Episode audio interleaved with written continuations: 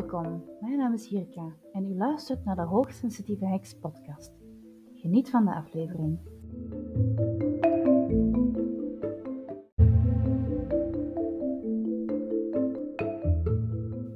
Disclaimer.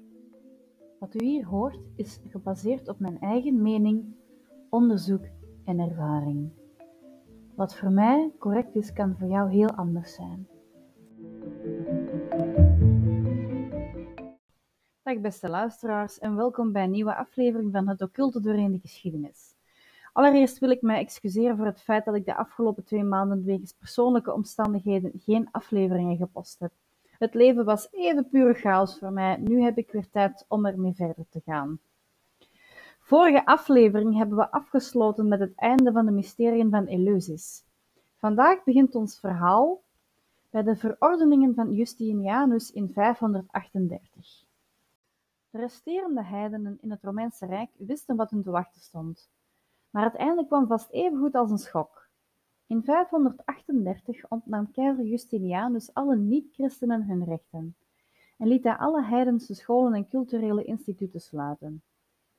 Protesten van de heidense minderheid werden door regeringstroepen onderdrukt en zo kwam er een eind aan de lange geschiedenis van het heidense geloof in de oude wereld. Een deel van de overgebleven heidenen besloot in een wanhopige ontsnappingspoging naar de oostgrenzen van het rijk te trekken. Sommigen vonden een thuis in het Perzische Rijk, waar men toleranter tegenover religie stond dan in Rome. Anderen reisden nog verder door naar Centraal-Azië en de buitenste provincies van het Chinese Rijk, waar afvallige christenen hartelijk werden ontvangen. Een groot aantal vestigde zich echter in Haran.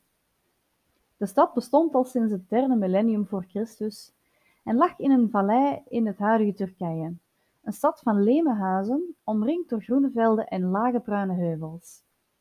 De Sumeriërs, die de stad als handelspost hadden opgericht, hadden hem gewijd aan hun maangod Sin, maar in de loop der eeuwen had de stad religieuze en magische tradities van allerlei volken overgenomen. De opkomst van het christendom en de verbanning van het heidendom hadden weinig invloed op Haran, Dankzij de ligging aan de grens tussen het Romeinse en Perzische Rijk konden de bewoners de Romeinse wetten tegen het heidense geloof negeren, waardoor Haran uitgroeide tot de laatste wijkplaats voor het heidense neoplatonisme van Jamblichus en Julianus, waarin het heidense geloof werd gecombineerd met occulte leer. We gaan verder met een naam die de meesten wel bekend in de oren klinkt, namelijk Merlijn en de slag om Arderit in 573.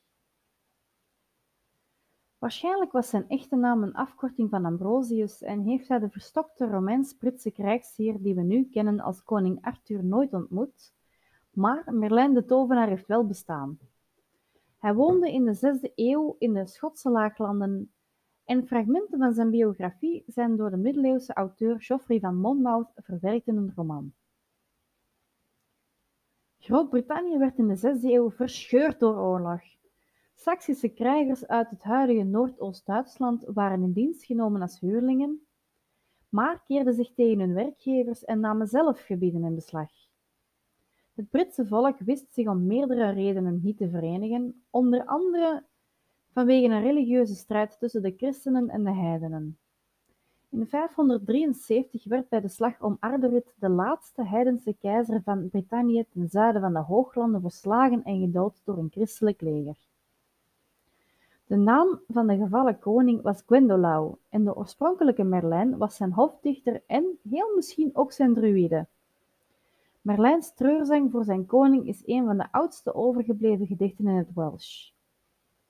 Hoewel het verhaal van Merlijn verbonden is geraakt met de verhalen over koning Arthur, hoe is moeilijk te zeggen, maar zulke dingen komen vaker voor bij legenden. Nadat hij deel was gaan uitmaken van de populaire verhalen over Arthur, groeide Merlijn al snel uit tot het archetype waarop de meeste latere tovenaars zijn gebaseerd.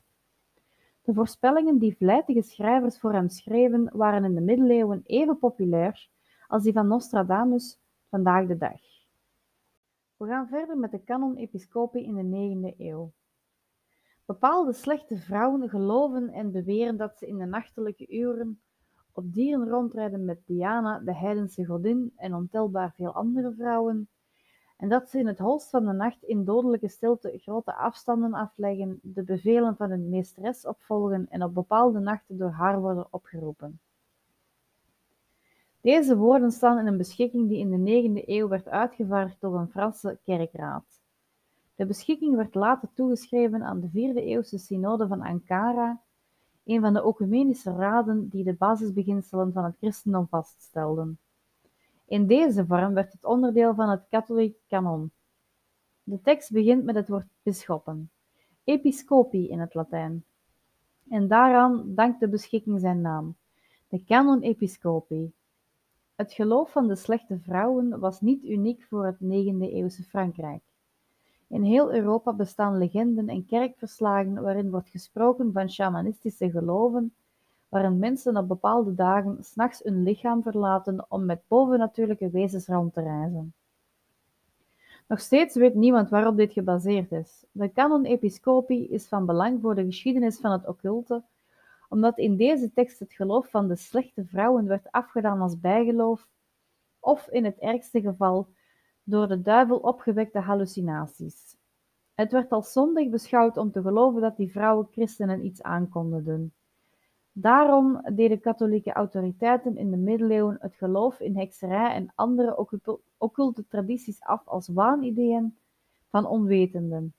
Pas in de 14e eeuw werd de canon episcopi terzijde geschoven en begonnen heksenverbranderingen. Nu komen we aan bij de Orde der Tempeliers in 1118. Eerst waren er maar negen. Het waren Franse ridders die mee hadden gedaan aan de eerste kruistocht om het Heilige Land te heroveren op de moslims. In 1118 vormden ze ten overstaan van het patriarchaat Jeruzalem een orde van krijgshaftige monniken die de discipline van het klooster combineerden met die van het slagveld. Ze werden gehuisvest op de voormalige locatie van de Tempel van Salomo en noemden zich de Orde der Arme Ridders van Christus en de Tempel van Salomo. Wij kennen ze echter als de Tempeliers. Hun officiële missie was het beschermen van pelgrims tegen moslimkapers tijdens een gevaarlijke reis vanuit de havens aan de Middellandse Zee. Een groep van negen ridders was eigenlijk te klein om de pelgrimsroutes te beschermen, maar de eerste negen jaar leken ze geen moeite te doen om hun aantal te vergroten. Er gaan geruchten, die worden gestaafd door archeologisch onderzoek, dat ze vooral tunnels groeven onder de restanten van de tempel. Wat ze er vonden blijft een mysterie. In 1127 keerde de grootmeester van de orde, Hugo van Pines, terug naar Frankrijk, waarna er veel nieuwe recruten aansluiting zochten bij de Tempeliers en ze dure geschenken ontvingen van koningen en edelen. De orde der arme ridders werd al snel een van de rijkste orders van het christendom. Vanuit de Europese landerijen van de Tempeliers stroomde er geld naar de kastelen die een heilige land bewaakten. Er kwam zoveel geld binnen dat de Tempeliers aspecten van het moderne bankwezen uitvonden om dit te verwerken. Als je een cheque ondertekent, gebruik je een Tempeliertechniek. Hier kwam overigens geen occultisme bij te kijken. Dat kwam pas later, nadat meerdere generaties Tempeliers in de religieuze en magische smeltkroes van het Heilige Land hadden geleefd. Daarom leeft hun invloedrijke legende nog altijd voort. We gaan verder met de Albigensische kruistocht in 1208. Ze noemden zichzelf Kataren, van het Griekse woord voor zuivere mensen. Hun vijanden noemden hen Albigensen, wat dat volk uit Albi betekent, naar het Franse dorp waar ze vooral actief waren. Ze geloofden in een gnostisch christendom waarin God en Satan gelijken waren en de mens, gevangen in de materiële wereld van Satan, moest zien te ontsnappen naar Gods wereld van licht.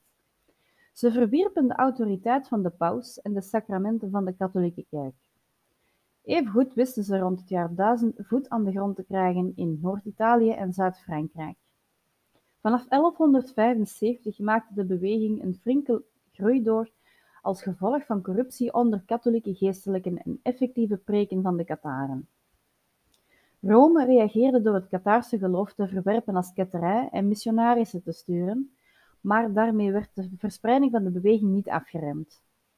In 1208 leidde, de stijgende spanning tot geweld toen een pauselijke gezant door de Kataren werd vermoord. Daarop riep paus Innocentius III op tot een kruistocht. Alle eerdere kruistochten waren gericht geweest tegen moslims in het Heilige Land. Dit was de eerste keer dat de kerk opriep tot een oorlog tegen vijanden in Europa, maar zeker niet de laatste. De gevechten begonnen in 1209 en gingen door tot 1244, toen het laatste Kataarse bolwerk Montségur viel.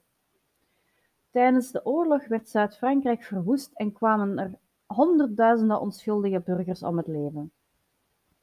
Uit de Albigensische kruistocht kwam een nieuwe organisatie voort die in 1239 tot de, door de katholieke kerk werd opgericht om ketters met alle middelen te bestrijden. In de eeuwen die hierop volgden zou die organisatie een spoor van geweld trekken door heel Europa. Duizenden occultisten en vele anderen zouden tot de vuurdood worden veroordeeld.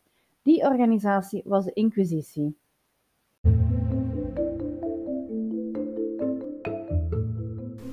Bedankt voor het luisteren en tot de volgende keer.